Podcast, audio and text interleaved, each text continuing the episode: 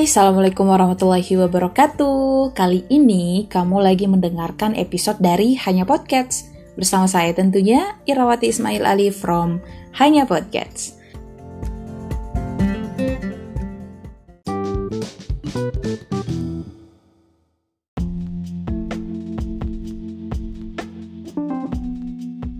Alhamdulillah, hari ke-23 Ramadan 1443 Hijriah.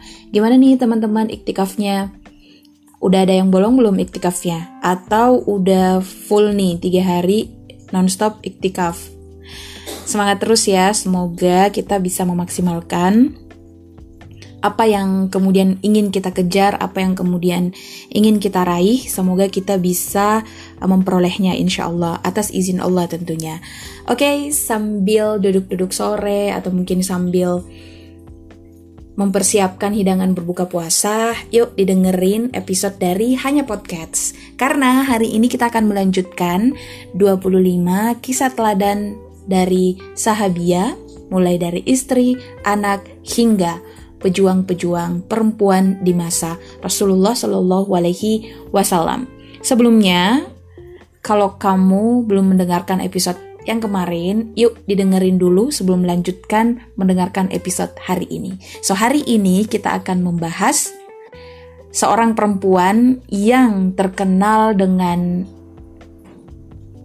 julukannya sebagai perempuan yang memiliki dua ikat pinggang atau zat an-nitaqain. Siapakah beliau? Yep, beliau adalah Asma binti Abu Bakar. Gimana kisah teladannya? Keep listening, dengerin sampai akhir, and here we go. Happy listening.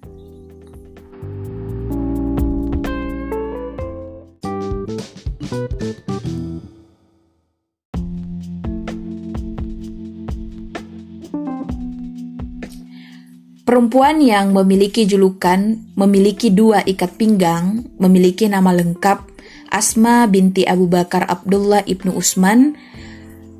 Asma ini tumbuh dalam lingkungan yang sangat baik.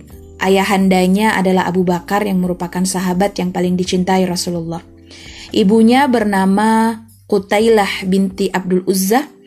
Mereka seluruhnya masuk Islam dan memperoleh kemuliaan sebagai sahabat. Asma kemudian bersuamikan Zubair ibnu Awam, salah seorang yang dijanjikan masuk surga. Anaknya adalah Abdullah ibnu Az-Zabir, ulama ahli ibadah dan mujahid.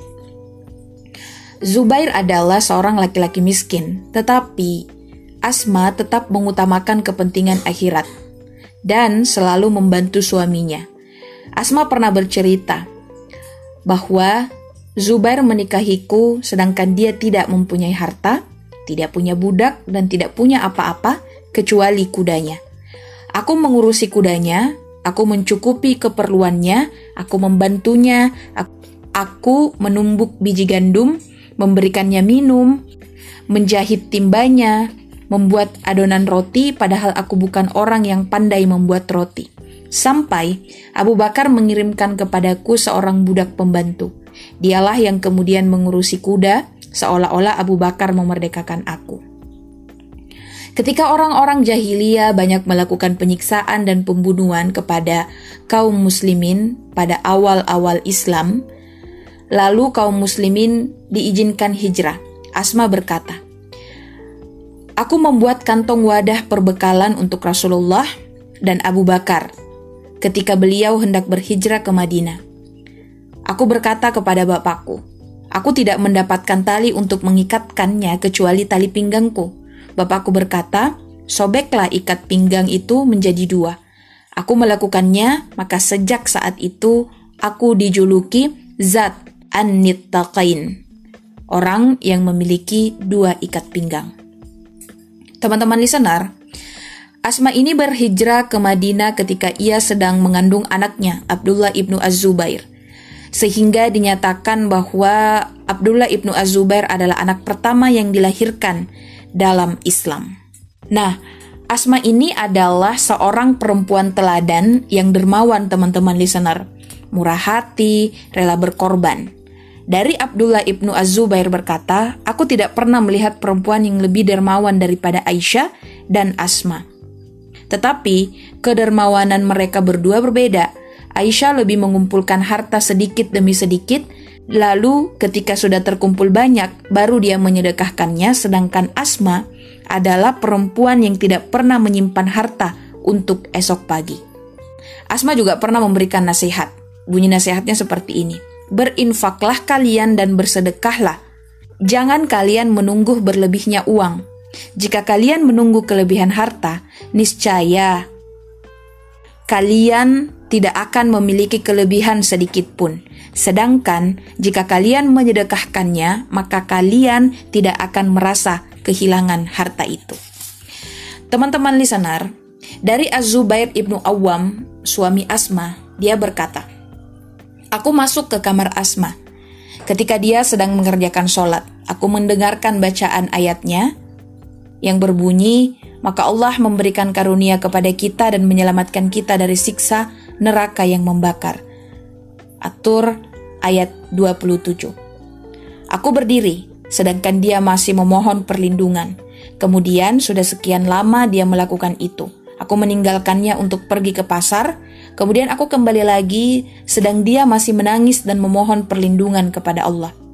Asma memiliki ilmu yang sangat luas. Ia meriwayatkan dari Rasulullah Shallallahu Alaihi Wasallam sebanyak 58 buah.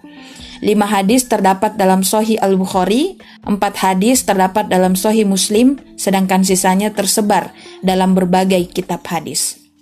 Selain itu, teman-teman listener, ia adalah orang yang banyak memperhatikan dirinya secermat mungkin, mengakui dosanya dan tidak merasa puas dengan amalnya. Ia selalu menyibukkan diri untuk menambah kebajikan dan ketaatan kepada Allah. Asma juga seorang perempuan tegar dan penyabar. Urwa berkata, Aku dan saudara laki-lakiku Abdullah menjumpai ibu sebelum dia terbunuh pada pengepungan 10 hari itu yaitu pengepunan yang dilakukan tentara Hajjah ibnu Yusuf As-Saqafih di Makkah. Pada saat itu ibu sedang sakit. Abdullah bertanya, bagaimana keadaan dirimu ibu? Lalu Asma menjawab, aku sedang sakit. Abdullah berkata, sesungguhnya di dalam kematian itu ada kesejahteraan. Ibu kemudian menukas, sepertinya engkau menghendaki kesejahteraan. Asma menukas, sepertinya engkau menghendaki kematianku. Jangan engkau lakukan itu. Lalu ibu tersenyum seraya berkata, Demi Allah, aku tidak ingin mati sampai aku mengalami salah satu dari dua keadaan. Apakah engkau terbunuh sehingga aku dapat mengharapkan pahala dari musibah itu, ataukah engkau menang sehingga menjadi sejuk pemandangan mataku? Jangan sampai engkau dihadapkan pada satu muslihat dan engkau menyetujuinya hanya karena takut mati. Urwa kemudian berkata, Saudaraku sebenarnya hanya khawatir kalau dia terbunuh lalu ibu menjadi sedih karenanya.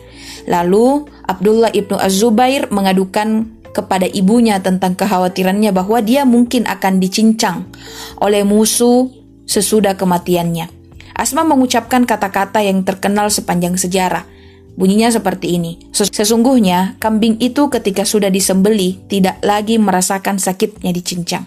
Abdullah akhirnya terbunuh dalam pertempuran dengan tentara Hajjaj dan Hajjaj menyembeli jasad Abdullah di Masjidil Haram. Teman-teman listener, ketika Hajjaj berhasil membunuh Abdullah ibnu Az-Zubair, Hajjaj mengunjungi Asma. Dia berkata kepadanya, "Wahai ibundaku, sesungguhnya Amir al-Mu'minin berpesan kepadaku untuk memperlakukan engkau dengan baik. Apakah engkau menginginkan sesuatu?" Lalu Asma menjawab dengan ketus, "Aku bukan ibumu. Aku adalah ibu orang yang disalib di puncak bukit itu. Aku tidak memerlukan apa pun. Akan tetapi, aku mau menyampaikan sebuah hadis kepadamu. Aku mendengar Rasulullah Shallallahu Alaihi Wasallam pernah bersabda, akan muncul dari Bani Saqif, seorang pendusta dan seorang pembantai. Si pendusta sudah kita lihat kemunculannya, yang dimaksud Asma adalah Mukhtar ibnu Abi Ubaid Asyaqafi yang mengaku-ngaku sebagai nabi. Sedangkan si pembantai itu saya kira adalah engkau, Hajjaj, berdiri dan beranjak meninggalkan Asma tanpa menjawab sepatah kata apa pun. So, teman-teman listener, Asma kemudian meninggal dunia beberapa hari sesudah putranya Abdullah ibnu Az-Zubair terbunuh pada tanggal 17 Jumadil Ula 73 Hijriah. Itulah kisah teladan dari Asma binti Abu Bakar Semoga kita bisa mengambil banyak pelajaran dari kisahnya ini dan semoga kita bisa dimudahkan untuk menerapkan ke dalam kehidupan kita sehari-hari. So, terima kasih telah mendengarkan. Selamat menikmati saatnya berbuka puasa dan sampai ketemu pada episode berikutnya. Assalamualaikum warahmatullahi wabarakatuh.